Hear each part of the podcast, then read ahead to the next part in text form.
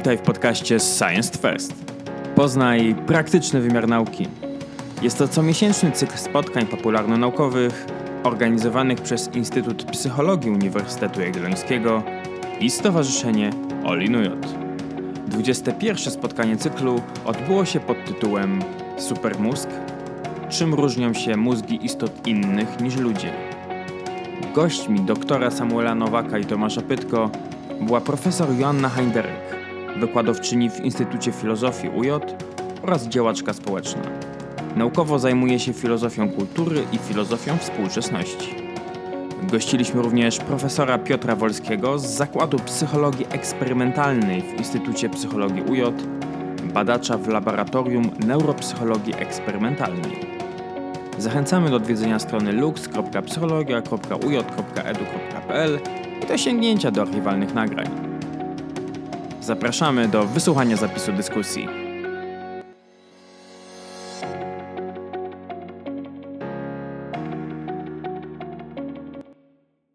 Myślę, że to jest ten czas, że możemy już e, przejść do zagadnienia. Ja mam tutaj pytanie do profesora Wolskiego. E, super mózg. Przez długi czas myśleliśmy, ludzie myśleli o, mózg, o swoich mózgach jako rzeczywiście czymś wyjątkowym. E, nauka dostarcza, miała różne hipotezy, co by ten mózg szczególnie odróżniało od człowieka od zwierząt. Przez moment wydawało się, że asymetria mózgu będzie czymś specyficznym, no ale sprawy są dość skomplikowane. Jakby Pan mógł powiedzieć krótko, jak wyglądała ta, to naukowe, psychologiczne spojrzenie na mózg i w jakim momencie, gdzie dzisiaj jesteśmy z naszą wiedzą o tym półtora kilogramie galaretki, które każdy z nas nosi w czaszce, a, a której te galaretki możliwości są mm, dość zaawansowane i czy rzeczywiście ta różnica między mózgami ludzi i zwierząt nie będących ludźmi są, czy one są jakieś istotne na tyle, abyśmy na przykład o zwierzętach mogli myśleć jako istotach w jakiś sposób będących niżej. Dziękuję bardzo za to pytanie. Zanim odpowiem, kłopot jest z tym słowem krótko, bo to ja w ogóle mam z tym problem, natomiast, żeby mówić krótko, E, bo trochę się rozpędzam. Natomiast e, chciałem jeszcze podziękować za wprowadzenie i bardzo e, życzliwą prezentację. Nigdy nie czułem się taki ważny, nawet w czasie habilitacji chyba. Także dzięki.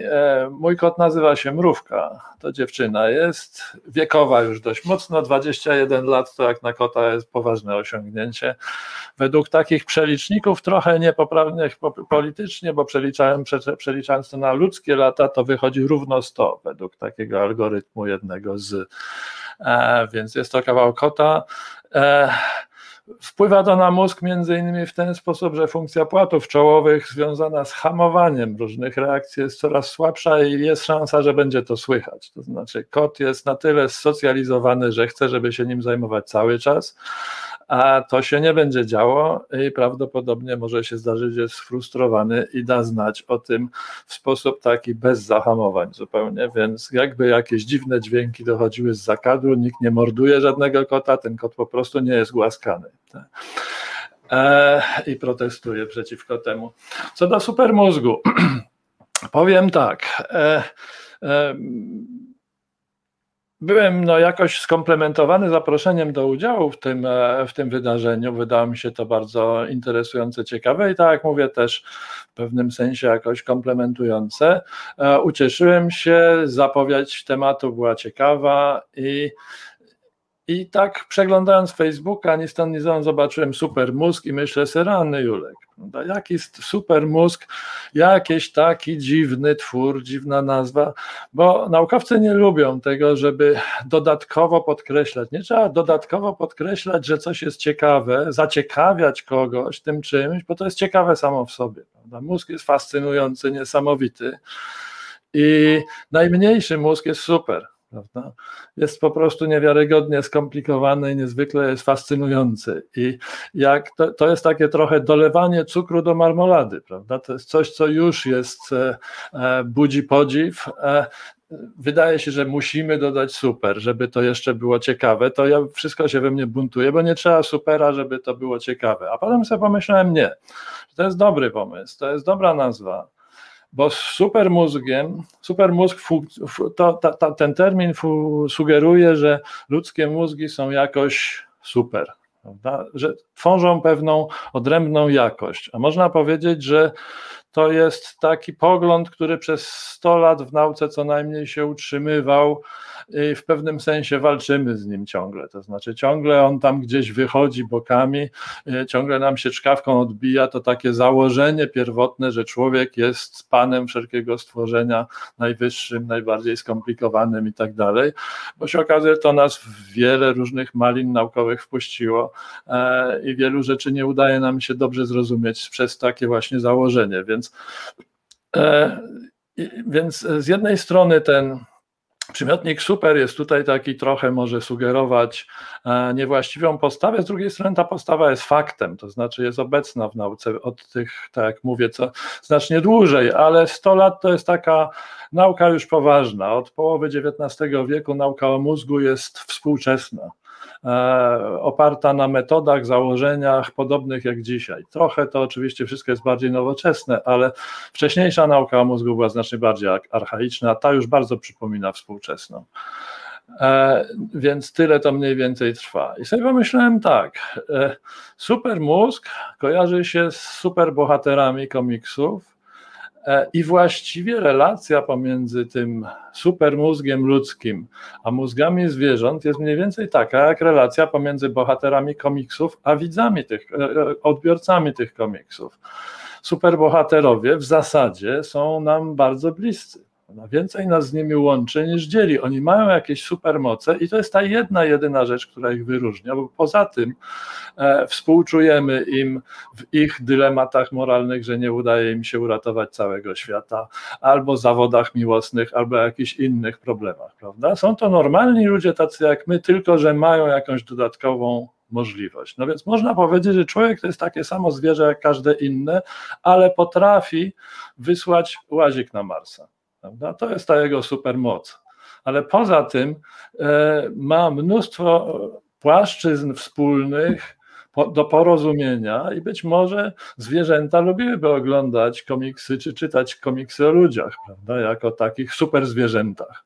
Ja tu pozwolę e, się wtrącić, bo zdolności poznawcze to jest jedna rzecz, no ale co z takimi kwestiami jak na przykład moralność, poczucie sprawiedliwości, e, zdolność postrzegania siebie w czasie. E, dość długo też funkcjonowały, wydaje mi się, częścią takiego zdrowego rozsądku potocznego, by uważa się, że są to, e, mm, są to cechy, które może, umiejętności, które przypisujemy tylko ludziom. Czyli na przykład, tak jak powiedziałem, zdolność do mm, postrzegania siebie w czasie, z mm, potrzeba sprawiedliwości, moralność. Moralność to jest duże słowo, prawda? I okazuje się, że to słowo bardzo dobrze sprawdza się w opisie zachowań zwierząt. To znaczy, jeżeli poczucie sprawiedliwego podziału jest czymś, co jest związane z moralnością, e, to to jest coś, na co makaki badane przez Franza Dewala i jego zespół e, reagują. To zwierzę, ta, niezwykle znany eksperyment, w którym e, makaki, makaki lubią, e, lubią się bawić kamykami i można się z makakiem w ten sposób bawić, że mu się daje kamyk, a on go odda, można sobie go wymieniać. Makaki wkładają sobie nawzajem do, do, do łapek różne rzeczy i z eksperymentatorem mogą robić to samo. Więc dość łatwo jest je namówić na taką zabawę, e, daj mi kamyk, a ja ci dam kawałek ogórka.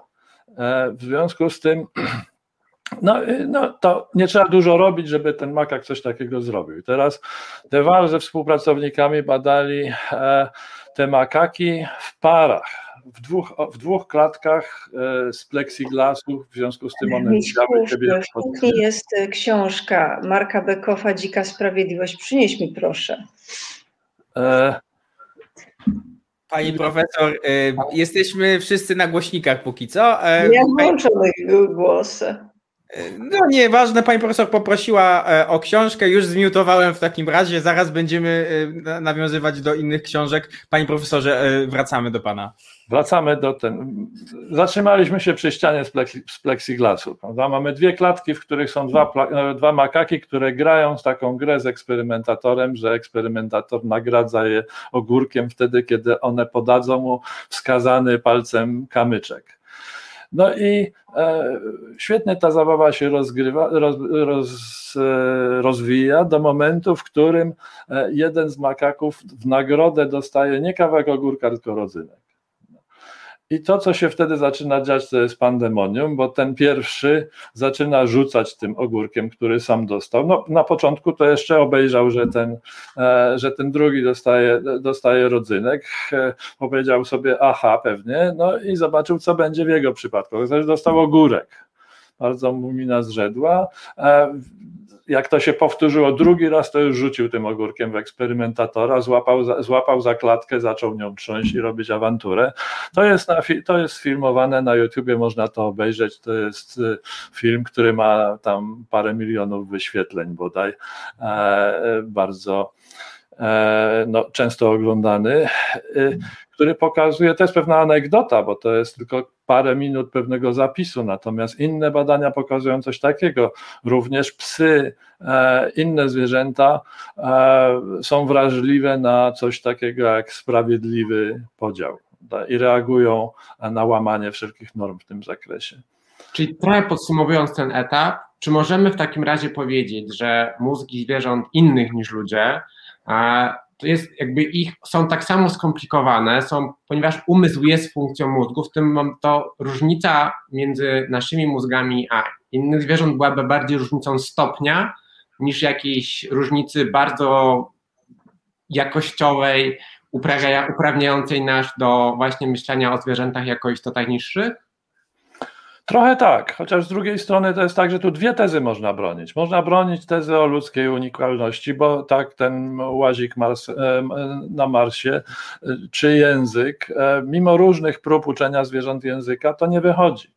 Natomiast to nie znaczy, że, że, że zwierzęta nie komunikują się używając symboli. Używa, robią to, prawda? ale w sposób znacznie, dużo, dużo prostszy, prostszy niż ludzie. Można powiedzieć, że tam zachodzi różnica. No, ilościowa tak duża, że aż jakościowa, prawda? To jest, e, ktoś mógłby bronić tezy, że to w zasadzie, że to, no, sprowadzać to do wspólnego mianownika, ale to jednak jest duża różnica, prawda? Więc są takie obszary, w których różnice są duże i są, e, e, są takie obszary, w których różnice są no, znikomo małe to nawet ta różnica stopnia wydaje się być e, w przypadku żalu po utracie e, u zwierząt i u ludzi. Ja bym się nie odważył porównywać tego, stopniować, prawda? Czy tu jest jakaś zasadnicza różnica, czy to jest jakiś większy dramat w przypadku człowieka niż w przypadku zwierzęcia? Często nie, wydaje mi się. Chociaż oczywiście tu można dyskutować, to są takie tematy, o których zawsze będą różne zdania i pełnej zgody nie będzie, natomiast ten wątek jest no, coraz bardziej powszechny w nauce i w refleksji badaczy, którzy zajmują się tymi problemami. E, takie myślenie e, podkreślające bliskość naszą zasadniczą w płaszczyźnie emocjonalnej i też większe niż dotąd myśleliśmy znaczenie emocji w naszym życiu. My jesteśmy znacznie bardziej emocjonalni niż myśleliśmy. Myśleliśmy o sobie jako istotach racjonalnych. Jesteśmy znacznie bardziej emocjonalni, znacznie bardziej nam się wydawało. Nie chcę przeciągać, więc może skończmy na. Postawmy kropkę w tym punkcie. Dziękujemy bardzo, panie profesorze. Pani profesor, dlaczego umiłowanie mądrości, filozofia miałaby się zajmować zwierzętami? Bo z drugiej, z jednej strony, no, filozofowie od samego początku myśleli o tym, co w środku, myśleli o tym, co, co ludzkie, a jak wspomniał pan profesor, no biologicznie dopiero nadganialiśmy to poznanie mózgu. Więc dlaczego filozofia miałaby się zwierzętami zajmować? Hmm. Okej, okay. E, drodzy Państwo, e, no już tu się wydała e, jedna moja lektura i zaraz do, do, niej, do niej wrócę. Natomiast zacznijmy może od tego, że filozofia niestety bardzo dużo namieszała i nabałaganiła. To takie oddzielenie emocji od rozumu, to wartościowanie, wskazywanie, że racjonalizm, właśnie taki czysty racjonalizm jest czymś dużo bardziej wartościowym niż emocje. To oddzielenie człowieka od zwierzęcia, w ogóle wyparcie tej struktury, i tego faktu, że jesteśmy organizmem biologicznym, że jesteśmy zwierzęciem, to niestety jest dziedzictwo filozoficzne. Jakbyśmy się przyjrzeli, prawda, historii, to bardzo długo gdzieś trzymał nas platonizm, neoplatonizm, e, czy takie metafizyczne założenie, że człowiek jest istotą duchową, przynależną, prawda, do zupełnie innej rzeczywistości. E, w związku z tym, do tutaj ten krok filozofii, która idzie w kierunku takiego odczarowania, jest niejako konieczny.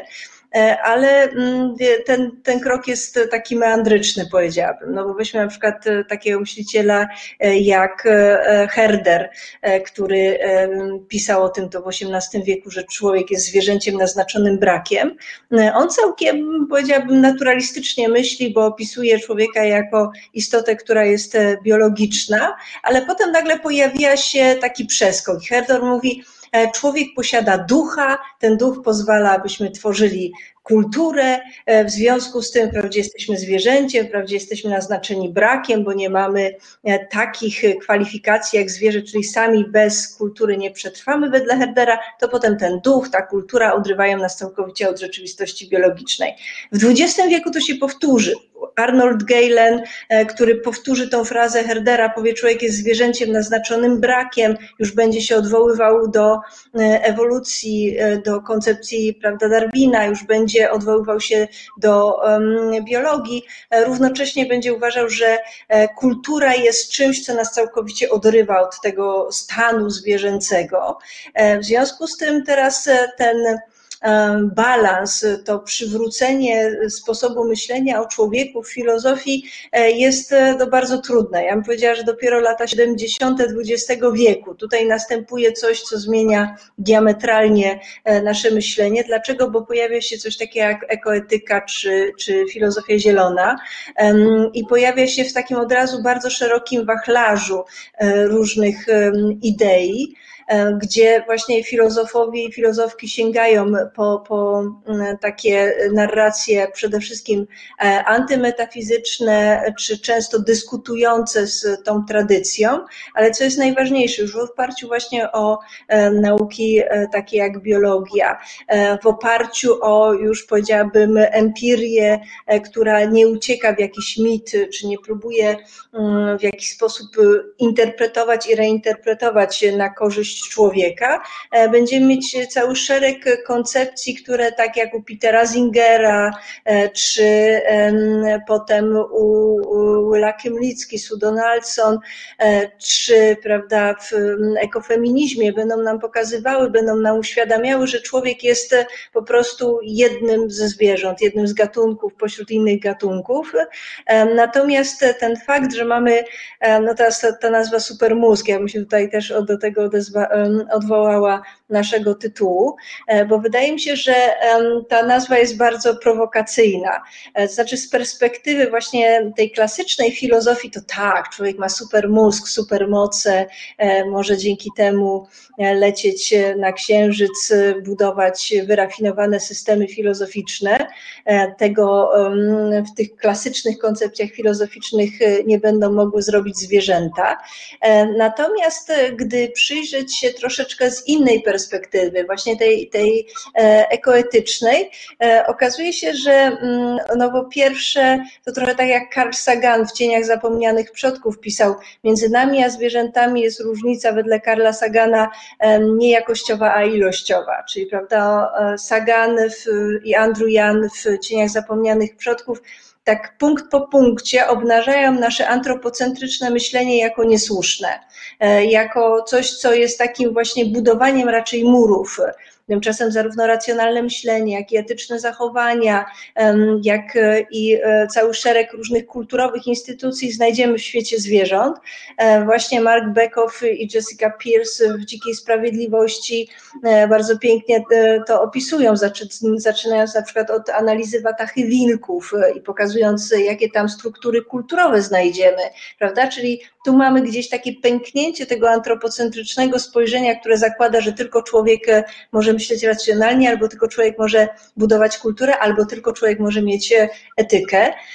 W zasadzie razem z ekoetyką pojawiają się też w filozofii takie nurty jak neuroetyka, które, mm, no weźmy choćby patrzy się Churchland i Thomasa Churchlanda, będą wskazywali na to, że ewolucja daje nam, jako zwierzętom właśnie, pośród innych gatunków, e, pewne szczególne zdolności do e, i empatii, i do e, kooperacji, i dzięki temu właśnie będziemy potem wytwarzali etykę jako pewną taką metastrukturę już opisu czy pewnej teorii, ale czegoś, co tak naprawdę wypływa z tych właśnie naszych naturalnych, ewolucyjnych uwarunkowań. No po prostu człowiek jest jednym z gatunków stadnych, prawda? Więc potrzebuje kooperacji, potrzebuje budowania relacji, które będą jakoś ustrukturyzowane, które pozwolą nam na to, to współdziałanie.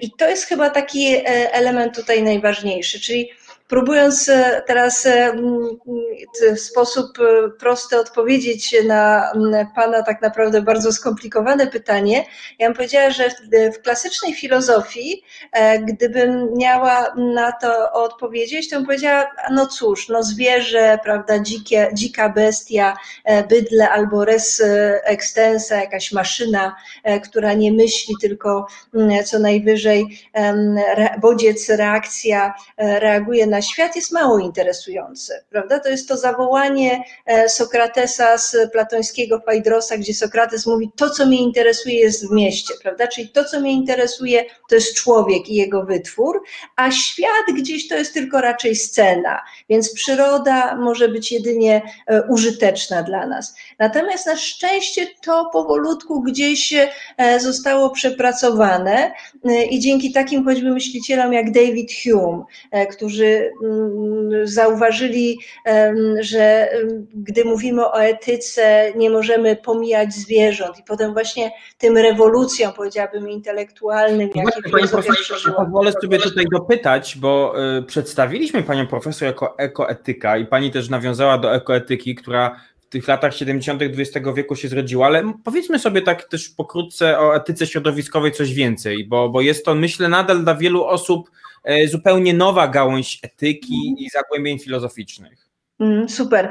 E, to na pewno tutaj pierwszy taki dzwoneczek to jest David Hume, to znaczy jeden z pierwszych, e, który w swoim traktacie analizując etykę już w XVIII wieku zwrócił uwagę, że musimy traktować zwierzęta jako istoty, którym się należy etyczne zachowanie. Dlaczego? Bo czują. E, Hume argument jest taki, skoro jest istota, która cierpi, która się boi, to nie może być przez nas katowana.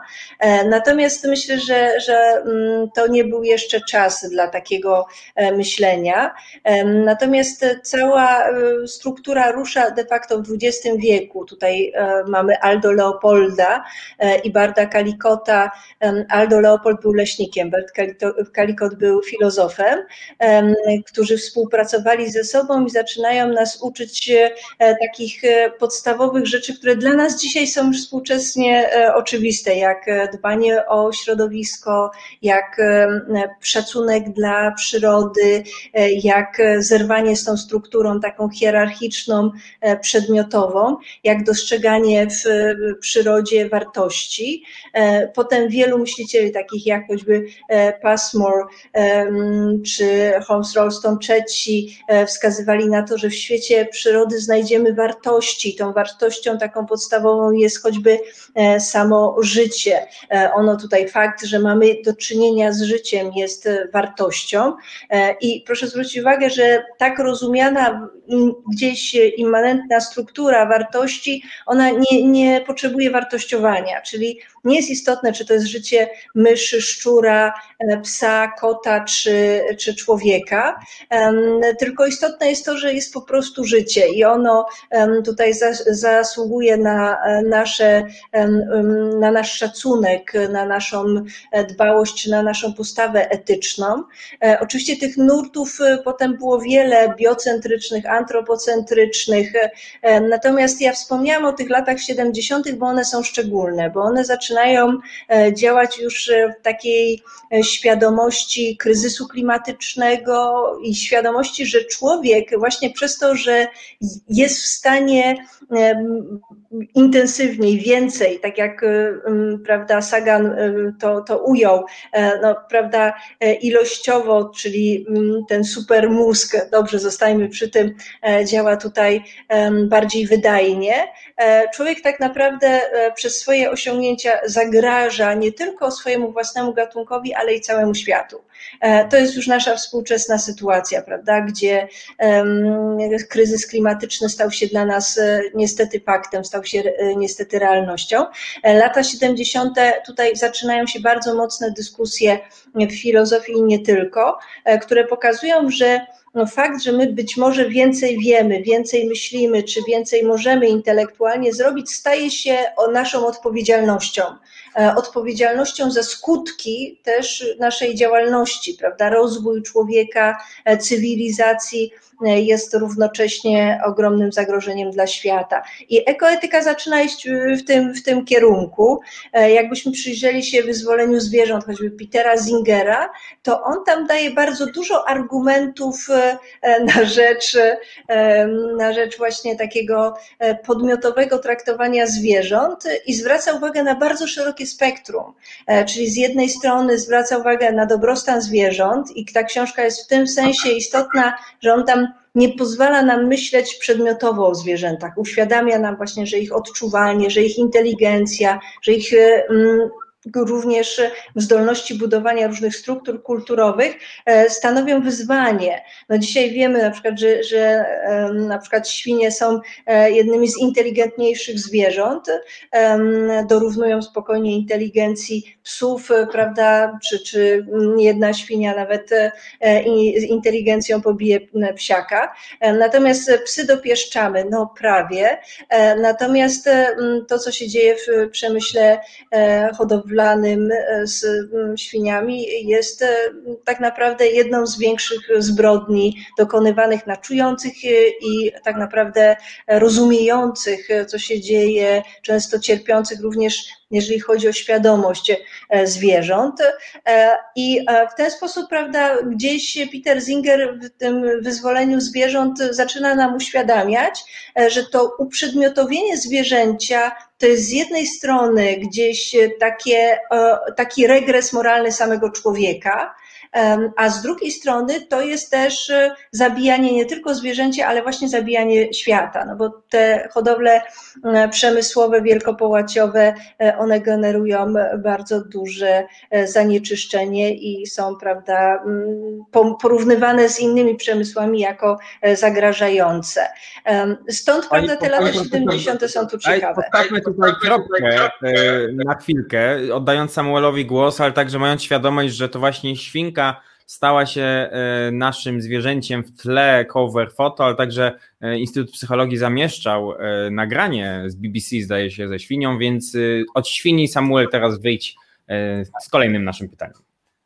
Jakby ta świnia tam się znalazła nieprzypadkowo, to były akurat badania, które BBC relacjonowało o tym, że świnie są całkiem niezłe e, w gry wideo i jakby nie potrzebują do tego żadnej zewnętrznej motywacji, co oczywiście dla naukowców zajmujących się zwierzętami nie było jakby żadną nowością, jakby to były eksperymenty, które e, potwierdzały wiedzę, e, którą już, już mamy w tym wypadku. Ja mam natomiast pytanie do, e, do profesora Wolskiego, trochę wychodząc od tego, o czym mówiła e, profesor Heinderek, bo wydaje się, że możliwość prowadzenia innej zupełnie dyskusji o zwierzętach wynika z tego, że udało się wreszcie mm, tę przeklętą różnicę kultura-natura e, może nie tyle przekroczyć, bo ona wciąż funkcjonuje, ale przynajmniej dość mocno, mm, dość mocno sproblematyzować. To zresztą w ogóle w historii nauki to też nie jest tak, że ta, e, ta e, granica była taka oczywista, bo na przykład kiedy wykształcała się w XIX wieku socjologia, kiedy trwał Bruno Latour, jeden z takich e, autorów, który współcześnie bardzo mocno jakby jest też sytuowany gdzieś na gruncie posthumanizmu, czyli też przekraczania tych mm, myślenia jednak o różnych przedmiotach, ludziach, nie ludziach w jednej, na jednej płaszczyźnie. On relacjonuje taką ciekawą debatę między Durkheimem i Gabrielem Tardem o to, co należy rozumieć jako społeczeństwo. Wygrała wizja, wizja Durkheima, która sprowadzała społeczeństwo tylko do ludzi. Tart proponował, aby rozumieć jako pewne splecenie zarówno ludzi, jak i przedmiotów, że nie ma powodu, dla których mielibyśmy ze społeczeństwa e, ich wykluczać. Psychologia i neuro, w ogóle nauka, bardzo długi czas z kolei e, prestiż i wagę argumentów czerpała z tego, że odwoływała się do takich stricte biologicznych e, kategorii i tam próbowano przeliczać, czego jest więcej, co, jak, gdzie te różnice na poziomie samej budowy funkcjonują, no ale dzisiaj również tak jak e, filozofia już nie może uciec, nie może nie problematyzować tej granicy samej koncepcji kultury i natury, no tak jakby poważna neuronauka jednak patrzy na ten mózg, że nie jest tylko i wyłącznie kształtowany przez siły, powiedzielibyśmy, biologiczne, no ale kształtuje się w pewnym środowisku, które samo w sobie nie jest środowiskiem czysto biologicznym. Jak wygląda to współcześnie i na ile mózg jest kształtowany tylko wyłącznie, na ile kształtują go siły przyrody, siły biologiczne, a na ile jednak jest zależny od tego, w jakim kontekście, e, w jakiej sytuacji społecznej, kulturowej e, on się kształtuje. Tutaj jest wiele różnych problemów, które Pan poruszył tak naprawdę, czy wiele różnych kwestii związanych z tym, z tym Pana pytaniem. E, wydaje mi się, że ważną rzeczą jest nie tyle pytanie, no właściwie tak, właściwie pytanie trzeba postawić tak, jak pan go zadał, to znaczy na ile, prawda? podkreślając na ile. Bo e, ja się obawiam, że część słuchaczy może słyszeć w tym pana pytaniu e, to na ile zastąpić pytaniem czy prawda? To znaczy, czy, e, czy natura, czy kultura, bo jednak naturalnie my myślimy w kategoriach dualizmów, prawda? Czarne, białe, tak nam się różne rzeczy sprowadzają do takiego myślenia, więc no, jeśli ktoś mówi w jakiej mierze, to i tak chodzi o to, czy bardziej to, czy bardziej tamto, prawda? I tutaj e, mamy kłopot z myśleniem w kategoriach takiej jedności jakiejś, która jest jednak podstawowym założeniem. E, myślenie biologiczne to w latach 70.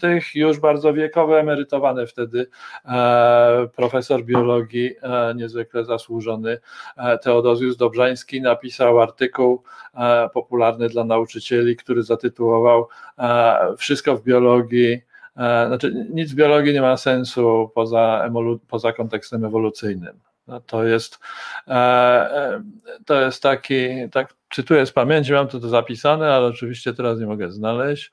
Nothing in biology makes sense except in the light of evolution. Nawet dobrze zacytowałem. Więc I to jest, ten tytuł e, tak bardzo trafia w istotę sprawy, że to zdanie stało się taką kalką powtarzaną, powtarzaną przez wielu, wielu biologów w różnych, e, w różnych wypowiedziach. I teraz e, w, w, w gruncie rzeczy moglibyśmy w tytule dzisiejszego spotkania w ogóle nie mieć słowa mózg. Moglibyśmy się w ogóle nie zajmować mózgiem. Po prostu istnieje pewna organizacja biologiczna, istnieją organizmy, które zachowują się w taki, a nie inny sposób, tworzą społeczności, które te społeczności mają takie, a nie inne reguły.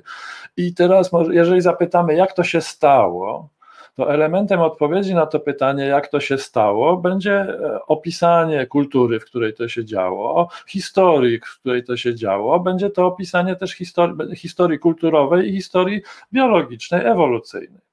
Będzie to, to się zaczęło niezwykle wcześnie. Rodolfo Linasz a, e, zdefiniował inteligencję w taki sposób, który bardzo mi się podoba. On powiedział: Inteligencja to jest centralizacja predykcji. Miał na, miał na myśli tutaj rozwój inteligencji, roz, pojawienie się myślenia, tego, że organizmy w pewnym momencie zaczęły mieć pewną zdolność e, budowania modeli rzeczywistości i używania ich do przewidywania właśnie tej rzeczywistości. On mówi, zwraca uwagę na to, to się pojawia w momencie ruchu, czyli pierwszy jakiś tam morski, kilkukomórkowy organizm, który zaczyna się poruszać, już ma poważną korzyść, a można powiedzieć, że ma potrzebę z przewidywania ruchu.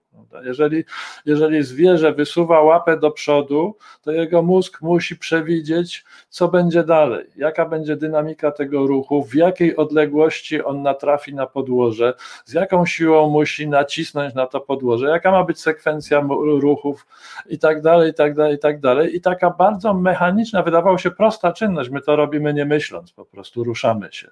Dopiero jak człowiek zaczyna Jak ktoś sobie złamie nogę, to dopiero zdaje sobie sprawę z tego, jak skomplikowane jest chodzenie, prawda? jak skomplikowane jest poruszanie się. Tak?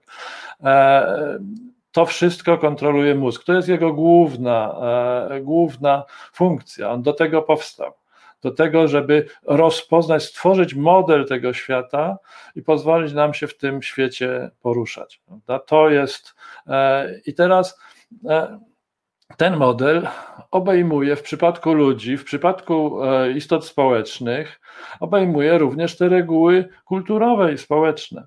Jeżeli wilki mają jakieś swoje zasady, które mówią, czego, co wolno, co nie wolno zrobić, albo które określają rolę czy, czy, czy wilki, czy małpy. My bardzo źle rozumiemy też znowu XIX-wiecznie pojęcie samca alfa, tego, kto tam rządzi w tej społeczności. Okazuje się, że to jest to samo, co my, jak, my, jak my myślimy o dobrym władcy, to to są cechy dobrego samca czy samicy alfa, prawda? przywódcy stada. On tym się charakteryzuje, że, że potrafi dobrze e, e konflikty łagodzić, e, e, że potrafi pocieszać tych, którzy którzy się znaleźli w, tru, w trudnej sytuacji. E, I ma a, nie, a nie jest macho, jak rozumiemy w takim rozumieniu popkulturowym. Macho, prawda? Owszem, zdarza się taka patologia, że grupa macho e, załatwi tego samca alfa, ale nie będzie miała wsparcia w społeczności i długo nie porządzi ci władcy e, i władczynie, niech będzie, bo to właściwie e, niekoniecznie, częściej dotyczy samców, ale nie wyłącznie, prawda, w społecznościach bonobo często to samice też są. E, więc teraz skąd się bierze ta reguła? No ona nie jest transmitowana kulturowo. To nie jest tak, że, że te zwierzęta się w swoich własnych szkołach tego uczą i od starszych e, nabywają tego, chociaż jest również i kulturowy przekaz taki, który modyfikuje to, ale jest to uwarunkowane jakoś tam genetycznie. Ale teraz, czy analiza mózgu ma, ma nam to pozwolić zrozumieć? Nie, analiza historii tego, roli tego, e, te, tych zachowań e, w adaptacji, prawda? Tego skomplikowanego procesu, który prowadzi do powstania takich, a nie innych reguł społecznych, które te zwierzęta przestrzegają. Prawda? E, to działa, to się sprawdza i to przez miliony lat ewoluowało e, i kształtowały się te wzorce. I narzędziem tego jest mózg ale to, co to narzędzie ukształtowało, wytwórcą tego narzędzia jest ewolucja.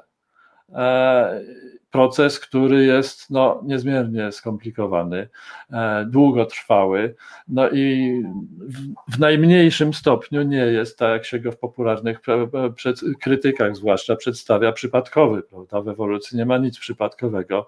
Prze, przetrwa, e, utrzymują się te rozwiązania, które się sprawdzają, które mają wartość adaptacyjną i w tym nie ma żadnego przypadku, prawda? E, więc to tak jakby ktoś mówił, że proces kontroli produkcji jest przypadkowy, prawda, bo błędy w produkcji są przypadkowe, no, ale odsiewanie tych błędów e, zupełnie nie jest przypadkowe. No, więc, więc teraz wracając trochę, trochę daleko odbiegłem od tego pytania, ale też trochę celowo, dlatego że zależy mi na tym, żebyśmy potrafili spojrzeć szerzej na problemy, które często są przedstawiane bardzo jednostronnie i niezwykle wąsko, prawda, e, w takiej źle pojętej popularyzacji są nadmiernie upraszczane. I, e, I dobrze by było rozumieć, że tak jak granica między człowiekiem a, a, a zwierzęciem jest bardzo płynna, e, zależy od perspektywy i nigdy nie jest jakaś tak naprawdę olbrzymia, a na pewno nieistotowa, e, to tak samo granica pomiędzy naturą a kulturą też jest granicą niezwykle płynną. Jest to granica pewnej perspektywy, można powiedzieć. Tutaj można też, żeby, to zrozumieć, króciutki przykład, który mnie się wydaje to dobrze obrazuje. Ktoś kiedyś kogoś zapytał, czy można wyhodować dinozaura, jeśli mamy jajo dinozaura, które jest biologicznie sprawne. No więc nie można, bo potrzebujemy do tego jeszcze macicy dinozaura. E, i potrzebujemy środowiska, w którym ten dinozaur żył. Prawda? To jest skomplikowana interakcja pomiędzy tym jajem a tą macicą i całym organizmem matki, wielotrwała, wieloetapowa, ukształtowana w procesie ewolucji i to się musi powtórzyć. Ten skomplikowany proces musi się powtórzyć, żeby mógł się urodzić nowy dinozaur. To nie jest taka fabryka, która tu wyprodukuje. Tak samo mózg nie jest jakimś narządem, który nie wiadomo skąd się wziął, jak jakoś tam zaprogramowany i decyduje teraz o naszych działaniach. Jeśli coś decyduje o naszych działaniach, o tym kształtuje naszą moralność, to to są miliony lat ewolucji, e, a nie e, jakaś tam przepływ aminokwasów. On jest w to uwikłany. To może jeszcze tylko jedna rzecz, która tak e, dosłownie jedno zdanie, które trochę też może to uzmysłowić łatwo. Taki powiedzmy w latach 50. był to, można powiedzieć, odpowiednik Daniela Deneta, taki filozof, znaczy taki e, filozofujący neurobiolog, prawda? No to odwrotnie Denet jest ne, ne, biologizującym e, filozofem, ale podobną funkcję pełnił w dyskusjach różnych naukowych e, i on powiedział, że e, musimy zachowywać pewną higienę semantyczną w, w mówieniu o mózgu. E, nie można powiedzieć, błędem jest powiedzieć, że robimy coś dlatego, że w naszym mózgu coś się stało, e, wydarzyły się właśnie jakieś procesy chemiczne. Takim błędem jak powiedzenie, że 2x plus 3 równa się 5, dlatego że Kreda napisała tak na tablicy. Prawda? Prawdziwość tego równania nie ma nic wspólnego z kredą, chociaż to równanie na tablicy by się nie pojawiło, gdyby nie kreda. Więc tu mamy bardzo podobną e, relację, prawda? Ten bez mózgu nic się nie stanie, ale to, e, co ten mózg robi, w pewnym sensie z tym mózgiem nie ma wiele wspólnego, ma wiele wspólnego z tą historią ewolucyjną gatunku, prawda? Plus jeszcze z uwarunkowaniami kulturowymi. Panie profesorze, bardzo, bardzo dziękujemy za y, odpowiedź na pytanie, za szeroką odpowiedź, ale także bardzo dziękujemy wszystkim naszym y, oglądającym. Dziękujemy za pytania, które zadajecie i zachęcamy do zadawania pytań w komentarzu. Widzimy te, które do nas y, przybyły y, i y, będziemy je za kilka chwil zadawać. Zapraszamy do zadania kolejnych. 270 osób jest z nami na sali. Bardzo, bardzo się cieszymy i, i, i powracamy do rozmowy. Mówiliśmy o mózgu, więc zwróćmy uwagę na ośrodek Broki. To ono odpowiada za mowę i pani profesor, w tym czasie niech się pani profesor odmiutuje, bo się sama pani profesor zamiutowała, więc ja tego nie mogę zrobić. Ok.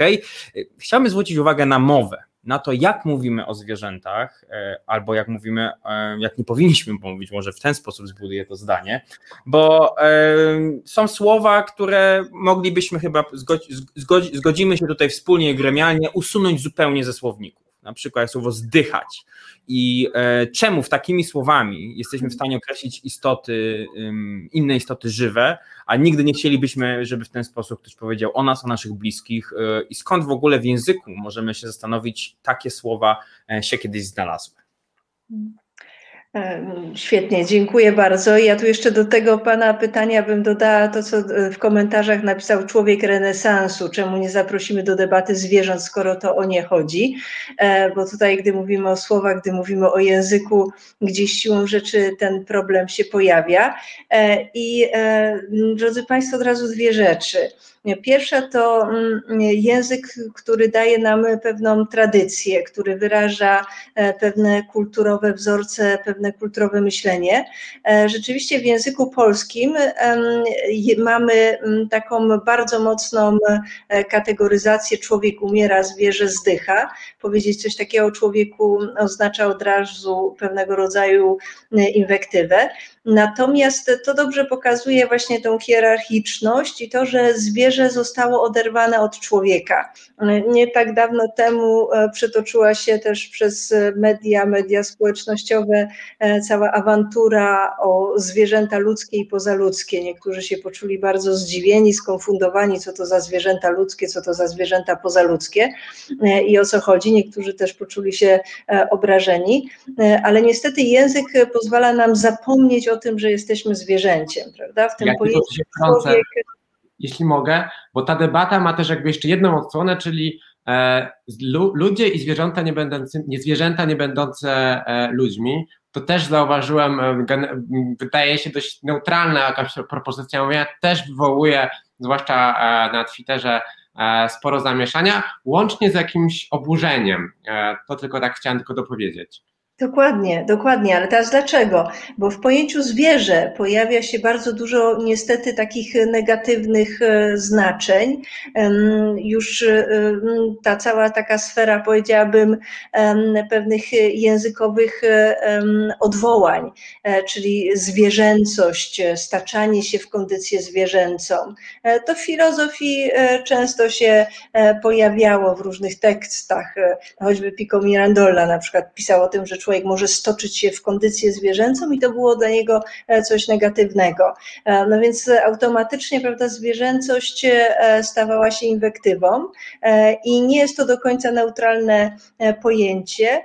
Z drugiej strony właśnie to ten podział człowiek i zwierzę jest takim podziałem gdzieś bardzo silnie ontologicznie odrywających człowieka od bycia zwierzęciem, czyli nadającym mu zupełnie inną kondycję. I to nie tylko tylko kulturowo, ale właśnie e, ontologicznie. Ja myślę, że taką jedną z ciekawszych i ważniejszych prób jest próba Dariusza Gzyry, który zaproponowałby e, używać pojęcia sentienci. E, I sentientami wedle Gzyry powinny być i tym pojęciem powinny być obejmowani i ludzie, i zwierzęta. I teraz po co? W ogóle wszystkie istoty czujące. I teraz po co? No właśnie po to, żeby gdy mówimy na przykład o prawach sentientów, od razu nie kombinować się, co to oznacza, że dajemy prawa zwierzętom. E, w prawie, e, oczywiście, choćby prawie międzynarodowym, w wielu prawach narodowych, na przykład weźmy norweskim, pojawiło się pojęcie non-human person, które gwarantuje, na przykład Norwegowie tym pojęciem określają e, delfiny i w związku z tym e, delfiny są przez prawo chronione, e, ich życie, tak jak życie ludzkie jest chronione, więc zabicie delfina jako non-human person będzie ścigane z, z prawa. Ale teraz z urzędu. Ale teraz, prawda, te wszystkie zabiegi, mówienie o human, non-human, non-human person, zwierzęta ludzkie, zwierzęta pozaludzkie, cały czas każą nam się zastanawiać, o czym my tak naprawdę mówimy i czy rzeczywiście możemy na przykład dać prawa moralne, prawa etyczne czy e, prawne e, zwierzętom, istotom pozaludzkim. E, stąd ta propozycja sentienci i myślę, że ona jest bardzo dobra, bo ona odrywa nas gdzieś od całej tej tradycji, od tego bagażu, który w pojęciu człowiek jako brzmiący wspaniale, dumnie i zwierzę, bydle, istota bezduszna, bezrozumna, zwierzę maszyna jest takim obciążeniem. My po prostu niestety w języku bardzo często zderzamy się z takim obciążeniem. I co za tym idzie? E, za tym też idzie taka ślepota, powiedziałabym, kulturowa. Myśmy kulturę w pewnym momencie potraktowali jako taki ostatni bastion człowieczeństwa. Czyli jeżeli już się zgodzimy, że zwierzęta e, też myślą, niektórzy płaczą, że no chociaż troszeczkę się zgodzą, że myślą, a jeżeli już się zgodzimy, że mają pewne odruchy etyczne, to chociaż niech kultura będzie tylko ludzka. Tymczasem e, Animal Studies bardzo dobrze nam pokazują, że zwierzęta mają kultury e, i w zasadzie wrócę znowu do tej książki Dzika Sprawiedliwość, polecam serdecznie, doskonała rzecz. E, I tam wyraźnie, prawda, Bekow i Pierce pokazują, że mamy kultury zwierzęce, które tak jak kultury ludzkie będą wewnętrznie zróżnicowane, prawda, czyli to, co się dzieje w instytucjach, prawda, i tych relacjach, na przykład w jednej wilków, watachy wilków e, będzie nieprzystające do, do innej watachy, innych prawda, wilków czy innych e, gatunków. Jak popatrzeć na kultury ludzkie, to one też są bardzo zróżnicowane, prawda, dodatkowo jeszcze mamy subkultury, więc tu czasami, prawda, Polak z Polakiem się nie dogada, nie mówiąc, prawda, o, o ludziach z innych kultur, e, więc tutaj trudno oczekiwać na przykład, że my rzeczywiście z niektórymi gatunkami innych zwierząt się dogadamy, bo na przykład nie mamy takich kompetencji kulturowych. Do tego dochodzi właśnie to, o czym pan profesor mówił, to, środowisko, to, ta, ta cała struktura gdzieś sieciowa. E, Samuelu, wspomniałeś o e, Brunie Laturze i myślę, że Latour bardzo dobrze to ujmuje, prawda? Bo u niego te relacje, niezależnie od tego, jakim jesteśmy gatunkiem, czy jesteśmy gatunkiem mm, mm, człowieka, psa, prawda, kota czy, czy, czy delfina, e, jesteśmy w pewnych relacjach sieciowych. do tego dochodzą właśnie te relacje bardzo skomplikowane różnych kultur, zwierzęcych, zwierząt ludzkich, zwierząt pozaludzkich, różnych sentientów. Do tego dochodzą też te relacje budowane z i nie tylko organizmami, ale też rzeczywistością elektroniczną. E, więc Bruno Latour proponuje, by popatrzeć na sprawę sieciowo. E, I Bruno Latour pokazuje jeszcze jeden ważny problem. Czasami jest tak, że my rzeczywiście nie możemy się dogadać ale mm, ze względu na kooperację, na niejako konieczność trwania, no bo mamy jedną matkę Gaję, mamy jedną przestrzeń, w której się spotykamy, potrzebujemy kogoś, kto będzie takim tłumaczem. E, I teraz trochę odpowiadając człowiekowi renesansu, e, my nie zaprosimy zwierząt do debaty, chociaż one tutaj dookoła nas biegają, miauczą i szczekają. Nie dlatego, że one nie mają języków, e, nie dlatego, że one nie mają nam nic do powiedzenia. One mają nam bardzo dużo do powiedzenia, tylko to jest kwestia tego, na ile my potrafimy zrozumieć to, co one nam komunikują, czy na ile chcemy zrozumieć, co one nam komunikują. Dlatego Bruno Latour proponuje, by e, byli przedstawiciele, tłumacze, ci, którzy e, są w stanie, czy ze względów e, prawda, na wiedzę, jaką posiadają, czy też ze względu na doświadczenie, jakie posiadają, niejako reprezentowali te istoty tych sentientów, którzy sami reprezentować się nie muszą, nie mogą. I teraz powiedziałabym, że to jest sytuacja analogiczna do tego, co znajdziemy w świecie ludzkim. To nie jest coś wyjątkowego, bo jest dużo ludzi, którzy też sami za siebie nie mogą mówić z różnych względów, albo blokad kulturowych, albo e, jakiejś sytuacji, w której się znaleźli. E, w związku z tym ja myślę, że te relacje pomiędzy sentientami, pomiędzy różnymi gatunkami, one wcale nie są takie wyjątkowe, jakby się nam wydawało, czy takie inne, takie obce niż te relacje, które znajdziemy e, w świecie ludzkim. My też potrafimy siebie nawzajem nie zrozumieć, marginalizować, wykluczać, czy e, udawać, że nie rozumiemy tego drugiego człowieka, czy udawać, że on nie mówi e, językiem, ludzkim językiem. Pani profesor, bardzo, bardzo dziękuję za odpowiedź na to pytanie, nawet poszerzenie. Dzisiaj mamy takim, takie spotkanie nieskrępowanych wypowiedzi. Bardzo dobrze się Państwa słucha, bardzo się cieszę. Cieszę się również, że tylu słuchaczy z nami jest. Dziękujemy za pytania i myślę, że mija prawie godzina e, od początku naszego spotkania, więc to jest dobry moment, żeby dopuścić Państwa do głosu, naszych e, słuchaczy i słuchaczki. E, więc pozwolę sobie zadać pytanie od Pana Marcina Urbaniaka, którego pozdrawiamy również bardzo gorąco, bo, bo wiemy, że dużo robi na rzecz rzecz świata naszych mniejszych przyjaciół. E, pytanie do pana profesora Wolskiego. Jakie współczesne badania neuropsychologii mogą zostać w praktyce wykorzystane, aby poprawić dobrostan zwierząt, na przykład dzikich czy wolnożyjących? Strasznie trudne pytanie, e, bo nie wiem, czy go dobrze rozumiem. Jeśli chodzi w tym pytaniu o to, czy są jakieś wyniki badań naukowych, które można by było zademonstrować właśnie i użyć w tym celu, to miałbym problem pewien, prawda? No tu trzeba jeszcze skorygować to, że to e, neuropsychologia to jest tradycyjnie dziedzina, która zajmuje się skutkami uszkodzeń mózgów wskutek urazów u ludzi, więc e, to też nie o to chodzi. Rozumiem, że chodzi o neuronaukę, prawda? Generalnie o nauki o mózgu. I teraz, czy coś można wykorzystać? Jakichś pojedynczych badań nie potrafię powiedzieć. Może coś takiego by było, co by miało taki power, e, że tak powiem, perswazyjny. Natomiast e, e, nie przychodzi mi nic takiego do głowy. Natomiast na pewno ta zmiana, która zachodzi w badaniach, która pokazuje, z jednej strony zwiększa liczbę danych, które pokazują, jak bardzo my się mylimy, myśląc o tym, że jesteśmy istotami racjonalnymi, które najpierw myślą, potem robią. E, czyli jak bardzo zachowujemy się w sposób podobny do zwierząt. I jak bardzo, im bardziej to rozumiemy, tym bardziej widzimy, że to nie jest nic złego, że to nie uwłacza naszej godności, prawda? Wręcz przeciwnie, najbardziej moralne i sprawiedliwe i takie zachowania, z których jesteśmy dumni, one są właśnie w ten, powiedziałbym, zwierzęcy sposób realizowane. Te, z których jesteśmy najmniej dumni, dumni również oczywiście, prawda?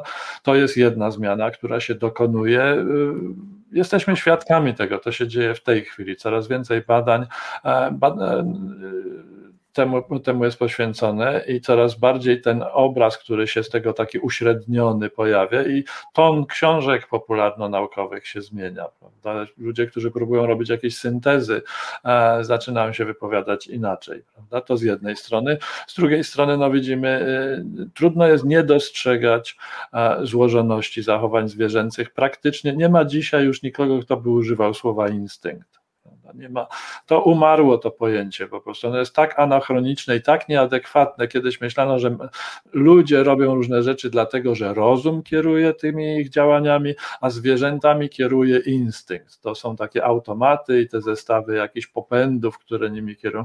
Bzdura totalna. I nami, i zwierzętami kieruje dokładnie to samo wtedy, kiedy sięgamy po coś, co nam się nie należy, ale bardzo chcemy mieć, a, albo kiedy współczujemy komuś innemu, albo kiedy dzielimy się z czymś, co posiadamy z kimś innym. Robimy to z dokładnie tych samych pobudek i można by powiedzieć, że te same mechanizmy mózgowe tym sterują, e, czy są w to zaangażowane, ale nie znam takich pojedynczych badań, które by to jakoś e, pokazywały i demonstrowały, więc trzeba by było tutaj jakiś taki, odwołać się raczej do jakichś przeglądów, do jakichś takich. Dobra, dziękujemy bardzo.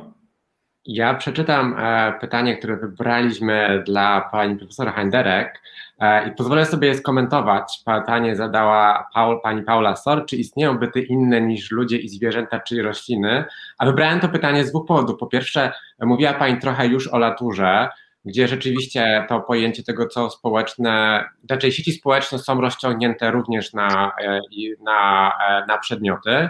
Mamy też na gruncie filozofii chociażby rozwijany przez Levi'a Bryanta, rozwijaną przez Levi'a Bryanta ontologię skierowaną na przedmiot, czyli Object Oriented Ontology, gdzie on w ogóle e, posługuje się pojęciem przedmiotu.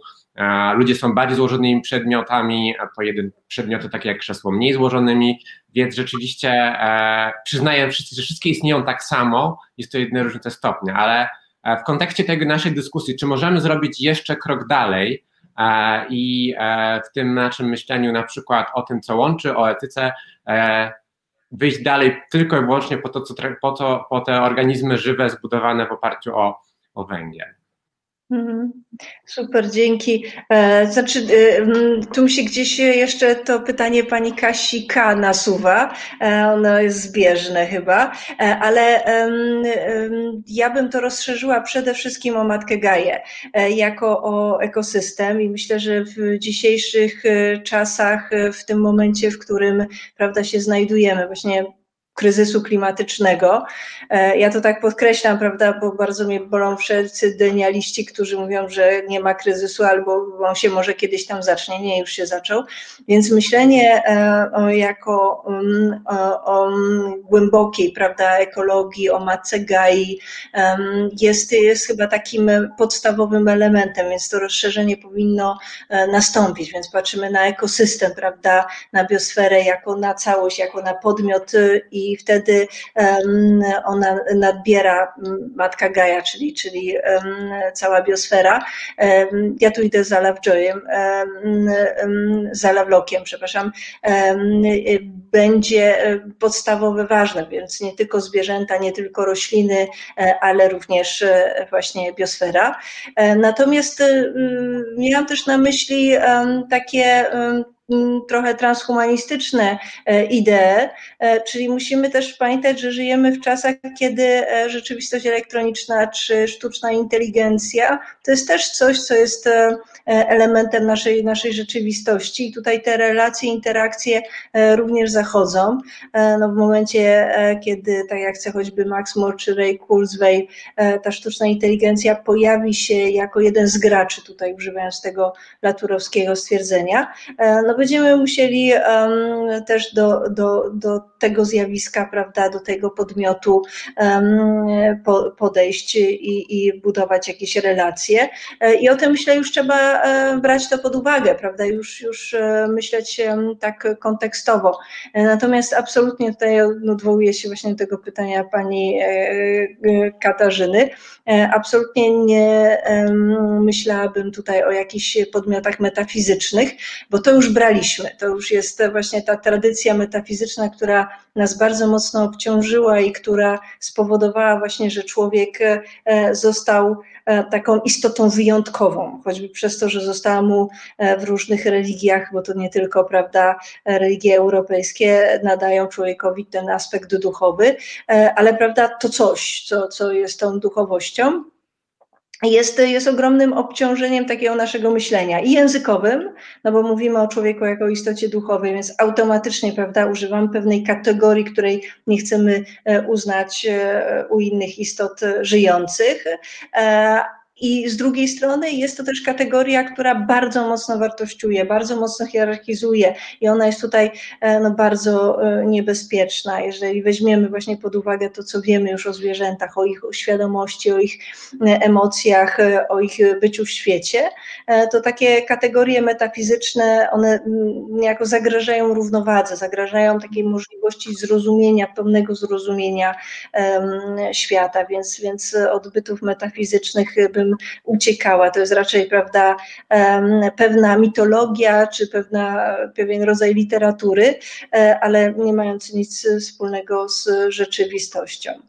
To ja sobie jeszcze pozwolę dodać, że to przypisywanie szczególnej, e, przypisywanie ludziom właśnie posiadania duchowej, pewnej duchowości, tegoś, co różniłoby ich od e, świata przyrody, no ma też negatywne konsekwencje dla ludzi, ponieważ no, to się też na przykład przekłada na nasze myślenie o kulturze, kiedy za kulturę traktuje się to, co jest e, właśnie dziełem umysłu i co ma kontemplacji, podczas gdy kulturę ludową, która jest oparta na emocjach, na zaangażowaniu, na przyjemnościach cielesnych, traktuje się właśnie jako coś bezwartościowego, a w najgorszym przypadku nawet nażywa ze zwierzęceniem. Więc ten traktowanie człowieka jako istoty duchowej ma samo dla, dla nas jako ludzi ma negatywne konsekwencje, bo e, wszystkie inne rodzaje formy, na przykład spędzania wolnego czasu, okazują się wtedy e, co najmniej podejrzane, jeśli nie E, nie posiadające żadnej wartości, bo właśnie nie wpisujące się w ten model uwzniesionej, uwzniesionej istoty ludzkiej, korony stworzenia, jak niektórzy jeszcze lubią o ludziach myśleć. To był kącik kulturoznawcy, a wracając do, do pytań, które pojawiają się w komentarzach, mm, panie profesorze, mamy nawiązania do samoświadomości. Pytanie, czy zwierzęta posiadają samoświadomość? Czy potrafimy odpowiedzieć na to pytanie? Ktoś inny z kolei właśnie pisze, że mm, czemu twierdzi się, że zwierzęta mają samo, nie mają samoświadomości, jeżeli związana jest ona z odczuwaniem na przykład emocji, potrzeb, czy zachowania ludzkie nie są tak naprawdę kierowane, choć to już, przepraszam, to jest kolejne pytanie, więc zostańmy przy samoświadomości i tym, czy możemy powiedzieć, że zwierzęta ją posiadają. W drugim pytaniu e, jest tu kwestia terminologiczna. Można powiedzieć, myślę, że to pytanie raczej tam powinno się pojawić nie samoświadomość, a świadomość. Czy zwierzęta posiadają świadomość, prawda? I nie ma co do tego dyskusji, prawda? Że e, jest dyskusja, czy i kiedy, na jakim poziomie to się kończy, prawda? I tu nie ma, tu, tu jeśli by wziąć dobrze, zatrzymajmy się, za chwilę powiem o samoświadomości, a też bym dwa słowa o świadomości, prawda? E, jest taka. Są takie cykliczne konferencje poświęcone, gromadzące wszystkie najważniejsze autorytety zajmujące się badaniami świadomości i filozofujące na ten temat, ale przede wszystkim badacze tego problemu. One się cyklicznie odbywają i na jednej z wcześniejszych konferencji pewna e, przepraszam, nazwisko mi wypadło w tej chwili z głowy, e, autorka e, z takim dziennikarskim zacięciem e, wszystkich, skorzystała z tego, że wszyscy mieszkają w jednym hotelu, obeszła wszystkie te pokoje i tym wszystkim badaczom świadomości, takim największym ekspertom w tej dziedzinie zadawała pewną listę pytań. I to, co jest najbardziej uderzające w tej książce, jest to, że każdy mówił co innego. To znaczy, nie było żadnej zgody w tych najważniejszych kwestiach i wśród tych kwestii była też ta, gdzie jest granica świadomości E, I e, Ram, Rama Chandran, jeden z takich neurobiologów znanych, e, twierdził, że poza człowiekiem świadomości nie ma. Świadomość kończy się na człowieku, zwierzęta nie mają świadomości. Świadomość jest związana z językiem symbolicznym i nic poniżej to nie, jest, nie, ma, nie, nie ma świadomości. Ktoś inny, już w tej chwili nie pamiętam kto, e, mówił, no gdzieś tak koło pszczół być może. Trzeba poznać, a organizator tej konferencji w tej chwili jest właściwie pan psychistą i w związku z tym Kamień też jest kandydatem do tego, żeby mieć pewną świadomość, prawda? Więc tu nie wiadomo, jak to jest. Natomiast nie ma żadnych powodów, moim zdaniem, żeby zakładać, e, że nie mają świadomości w jakiejś formie. Trudno, my, może, my nie bardzo możemy sobie wyobrazić, jaką świadomość my mamy nawzajem, prawda? Ja nie mam pojęcia, jak przeżywa świat pan Samuel, pani profesor, czy ktokolwiek z osób słuchających nas, tak samo jak wy nie wiecie, co mnie się dzieje w środku, prawda? To, to jest taka metafizyczna niedostępność, na którą jesteśmy skazani, w związku z tym tu musimy tylko zgadywać, no ale każdy przyzna, że rozsądnie jest założyć, że mamy podobną świadomość, prawda? Że przeżywamy coś podobnego, że nie jesteśmy całkiem inni i to myślę, y, nie ma powodu, żeby nie rozszerzyć tego na zwierzęta, nie różnicując za bardzo. Byłbym skłonny przypuszczać ja osobiście, chociaż to jest tylko moje zgadywanie, że właściwie każda istota żywa ma jakiś poziom świadomości. E, jaki, jak to jest być tą istotą, e, nie mam pojęcia, prawda? I tak nie będę wiedział nigdy, nikt z nas nie będzie tego wiedział pewnie, ale to wydaje się dość rozsądnym założeniem. Co do samoświadomości, no to tutaj samoświadomość testuje się e, standardowo, najczęściej używa się takiego testu lustra. E, umieszcza się e, pokryjomu jakoś zwierzęciu albo dziecku, bo u dzieci to się też bada, wiadomo, to się dopiero w pewnym wieku u, u dzieci pojawia. Nie pamiętam dokładnie, bo około piątego roku, nie, wcześniej, nie będę się kompromitował. Niemowlakom chyba, niemowlaki już są poddawane testowi lustra. Są podawane, ale chodzi o to, kiedy go zdają, prawda? A, okej, okay, tak. Chyba później niż świnie, z tego to się orientuje. E, e, nie. W każdym bądź razie e, Test polega na tym, że stawia się takie dziecko przed, czy, czy zwierzę przed lustrem i sprawdza się, które nie ma świadomości tego, że coś tam ma na czole, i sprawdza się, czy próbuje użyć lustra do zbadania tego, prawda? Czy dociera do niego ta informacja, widząc obraz w lustrze, zaczyna rozumieć, że to jest ono samo i w związku z tym wykonuje jakiś ruch i próbuje zobaczyć, co ma na czole, prawda?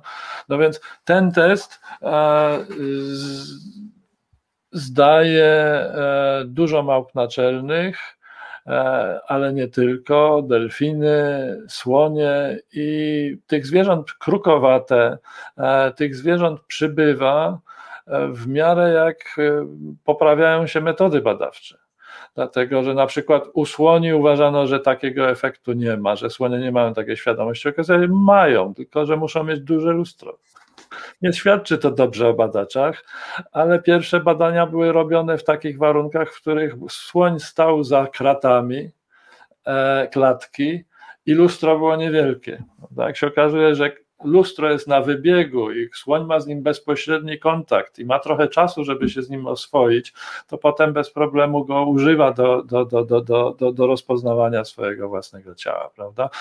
To jest dyskusyjny wskaźnik samoświadomości, jeden z możliwych, prawda? Ale on sugeruje, że zwierzęta, część zwierząt tych, które są nam najbliższe pod względem rozwoju, e, ma również świadomość e, swojej odrębności od otoczenia, e, że potrafi robić coś takiego, co po angielsku nazywa się time, mental time travel, czyli takie podróżowanie w czasie, czy krótko mówiąc, przywołanie przeszłości albo wyobrażenie sobie przyszłości. No więc wygląda na to, że zwierzęta są w stanie wyobrazić sobie najbliższą przyszłość i adekwatnie do niej się przygotować. E, co, co, to jest coś, co kiedyś wydawałoby się niewyobrażalne, prawda? Więc to też jest, to nie jest samoświadomość sama w sobie, prawda? Ale to jest to, co nam się kojarzy z tą najbardziej ludzką formą świadomości, prawda? Więc ona u zwierząt jest również obecna. Oczywiście nie wszystkich. Warto pamiętać, że w Instytucie Psychologii działa SILAB, e, którym kieruje profesor Michał Wierzchoń, gdzie właśnie zajmujemy się badaniem świadomości. E, Instytut i profesor Wierzchoń jest też włączony w taką dużą akcję międzynarodową COST, The New Architecture of Consciousness, która łączy badaczy z całej Europy i z Japonii, gdzie próbuje się zbudować w oparciu o bardzo dużą ilość danych jakąś zintegrowaną e, teorię, próbuje się odpowiedzieć, czym rzeczywiście byłaby świadomość w oparciu o olbrzymią ilość e, danych wcześniej na tę skalę niezbieranych. jest tutaj, pojawiło się pytanie do profesora Wolskiego. Kolei był, szanowni państwo, kącik rzecznika prasowego. Tak, to był kącik rzecznika prasowego. Prowadzę kącik i kulturoznawczy, i kącik rzecznika prasowego, ale należy do moich obowiązków. Profesor się zgłasza. Ja e, tylko słowo, bo tutaj ktoś dopisał o badaniach samoświadomości u psów i myślę, że warto wspomnieć. Rzeczywiście tak było. E, lustro u psów się nie sprawdza, natomiast psy e, różnicują zapachy bardzo dobrze i tutaj po tym można poznać, że one rozpoznają, co oznakowały same zapachowo, a co jest znakiem innych psów. I też można wnioskować, że pewien, pewien poziom samoświadomości znacznie wyższy niż wynikałoby z testu lustra jednak posiadają to myślę, że to ważne dopowiedzenie. Dziękuję za to przypomnienie. No, też jest dobrą okazją do krytyki wzrokocentryzmu, tak? No bo znowu bardzo często przewidujemy jeden zmysł, jaki jest wzrok, który nas znakomicie wykształcony i który na przykład łączymy ze świadomością, a tutaj profesor Van dał dobry przykład tego, że może on się wiązać z zupełnie innym zmysłem, w tym wypadku z węchem. Pojawiło się pytanie do profesora Wolskiego, ale ja zadam je najpierw do, e, do profesora Heinderek, bo wydaje mi się, że jakby można je w obu w tych obu dyscyplinach, e, w obu, spotkać się z nim w obu dyscyplinach, czyli kiedy w tym wypadku nie psychologia, to będzie do profesorskiego, ale filozofia zacznie zajmować się na poważnie i w właściwym zakresie, jest pewien postulat, największym zaburzeniem homo sapiens, zaburzeniem egocentrycznym i mniemaniem o sobie we świecie, czyli domyślam się, że to przekonanie e, o tym, że człowiek jest koroną istnienia. Trochę na ten temat już Pani mówiła, ale myślę, że można ten wątek krytycznie jeszcze, e, jeszcze rozbudować. E, świetne pytanie. Tak nawiązując do tego, o czym mówiliśmy wcześniej, o tej świadomości, samoświadomości, to ja bym powiedziała, tu się gdzieś e, zaczyna pierwszy kroczek tego naszego egocentryzmu, bo my na pewne pojęcia, jak właśnie świadomość, czy racjonalność, czy kultura, patrzymy w taki bardzo zmitologizowany, zmitologizowany sposób, e, który każe nam e, choćby z tej świadomości robić e, coś takiego wyjątkowego, właśnie w tą sferę tak zwanej duchowości, przetaczać pewne aspekty. I ta mitologizacja, ona to niesamowicie tak e, buduje antropocentryczne spojrzenie na świat, na człowieka.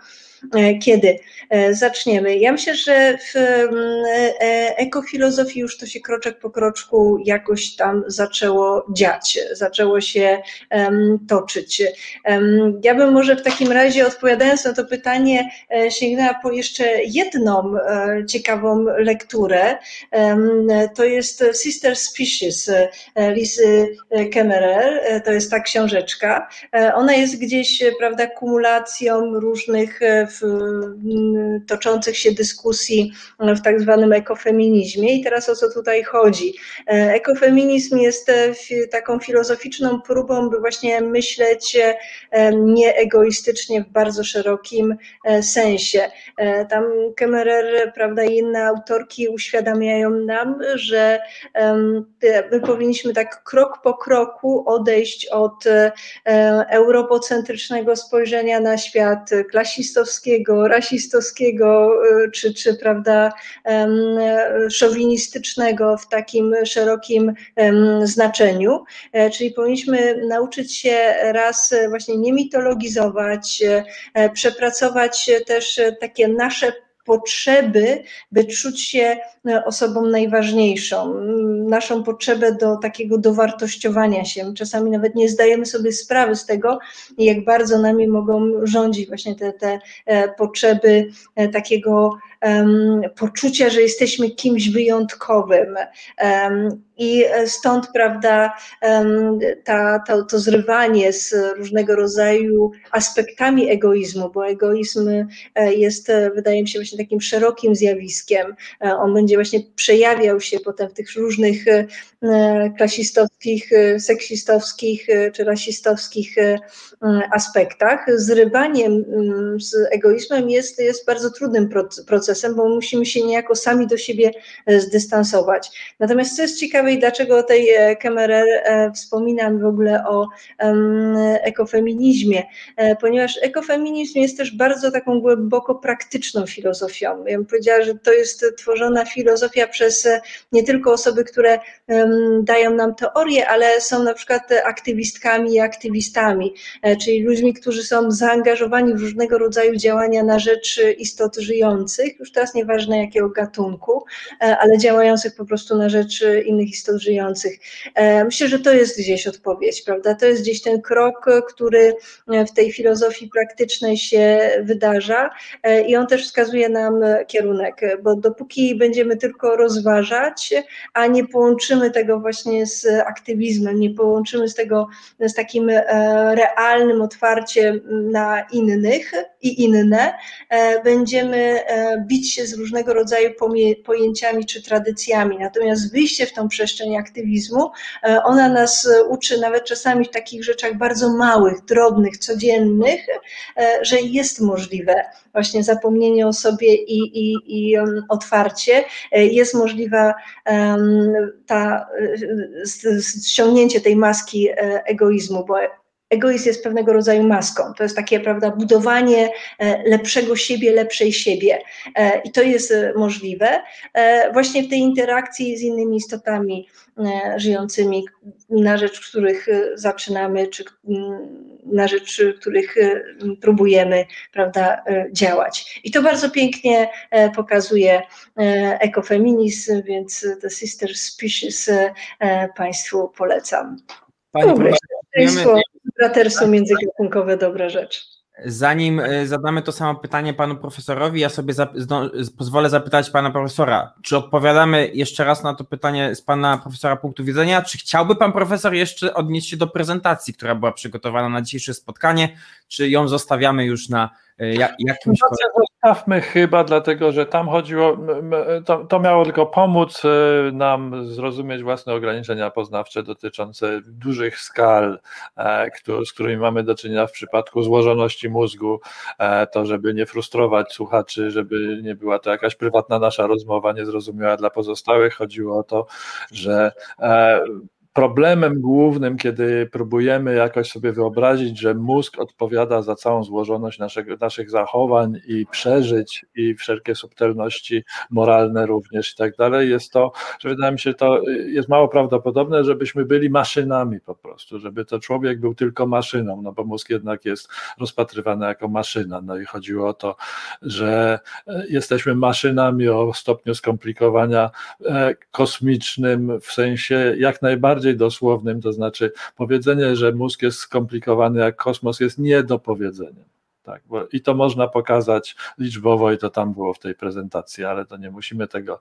Tam były tylko obrazki i chmurki, które miały tę myśl e, prze, przetransportować jakoś, więc miejmy nadzieję, że ona się przeniosła i bez tego wspomagania. E, pozwolę sobie do tego pytania wrócić, bo jednak, mm, pytania, to jest pewien postulat, ale czy psychologia może wytłumaczyć ten e, nasz niezwykły egocentryzm gatunkowy?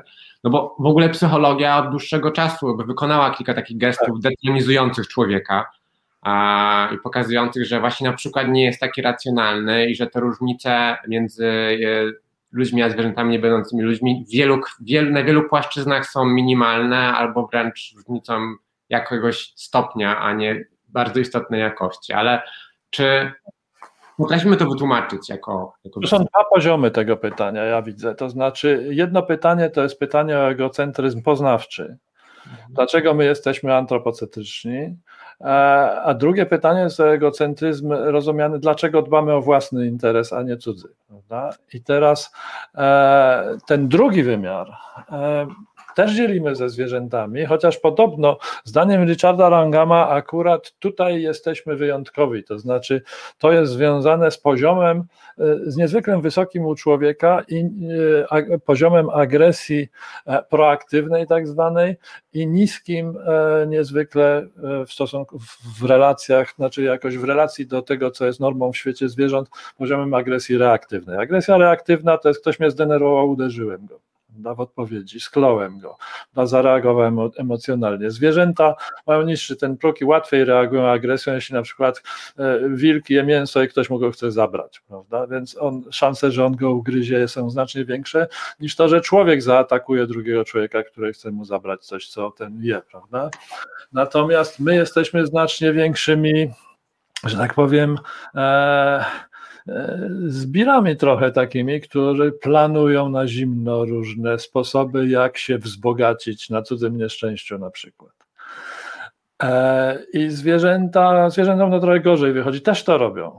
Też się tam zaczajają w odpowiednim miejscu, też mają plan w głowie i robią sobie krzywdę nawzajem. Prawda? Natomiast człowiek jest w tym znacznie bardziej biegły i ma większą skłonność do tego.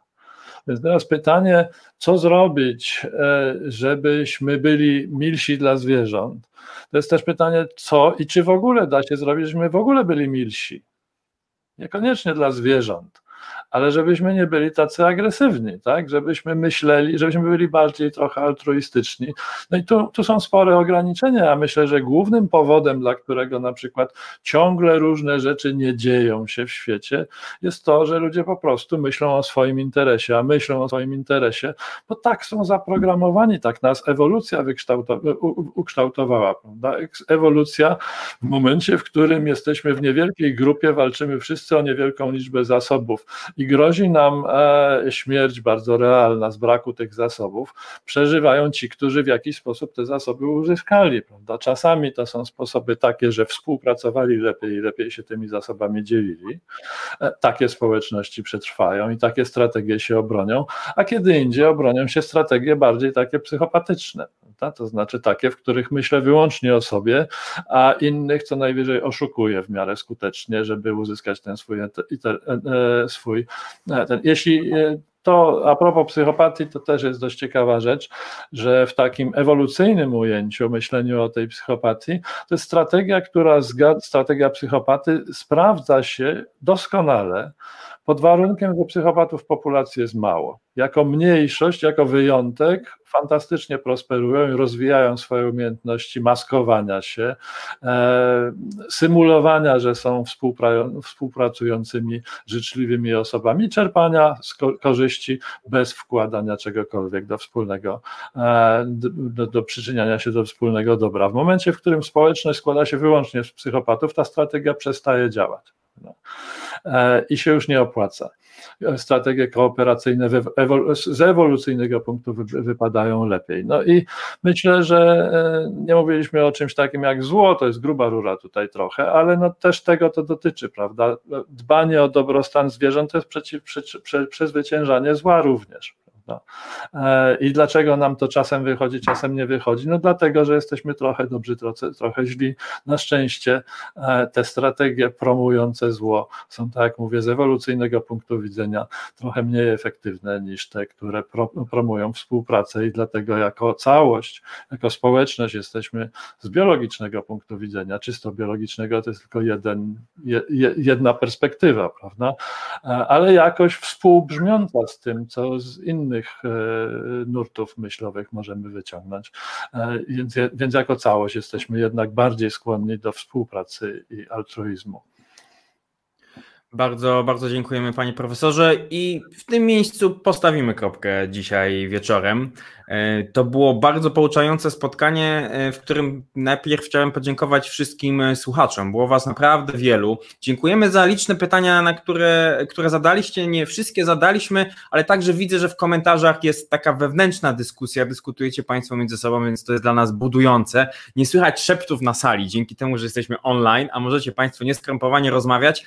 A blisko 300 osób dzisiaj było z nami na żywo, teraz jest ich nadal ponad 200, więc cieszymy się. To nagranie zostaje w internecie. Zachęcamy Państwa do przekazania go dalej. Mieliśmy dzisiaj kącik literacki, kilka, to nie była literatura piękna, to była literatura naukowa, do której Państwo mogą sięgnąć, także filozoficzna. E, wrócić w nagraniu przeczytać, zagłębić się jeszcze bardziej. I dzisiaj e, mieliśmy także piękne głosy. Panie Piotrze, panie profesorze, muszę powiedzieć, ma pan tak radiowy głos w ogóle w tym wszystkim, że bardzo miło mi się dzisiaj pana profesora, bardzo mi się pana profesora dobrze słuchało, abstrahując oczywiście dzisiaj szalenie interesującego tematu. Mieliśmy także kącik rzecznika prasowego, kącik kulturoznawcy, a teraz mamy kącik puentujący całe spotkanie. Zapraszamy na stronę lux.psychologia.edu.uj.edu.pl. Tam znajdziecie Państwo e, nasze dotychczasowe spotkania, nagrania, podcasty. Podcast z tego spotkania pojawi się, myślę, z początkiem przyszłego tygodnia. I w tym miejscu chciałbym bardzo podziękować e, Samuelowi, Samuelowi Nowakowi z Instytutu Psychologii. Ja w imieniu Stowarzyszenia Olinujo dziękuję wszystkim słuchaczom. E, pani profesor Joanna Heinderek z Instytutu Filozofii była z nami.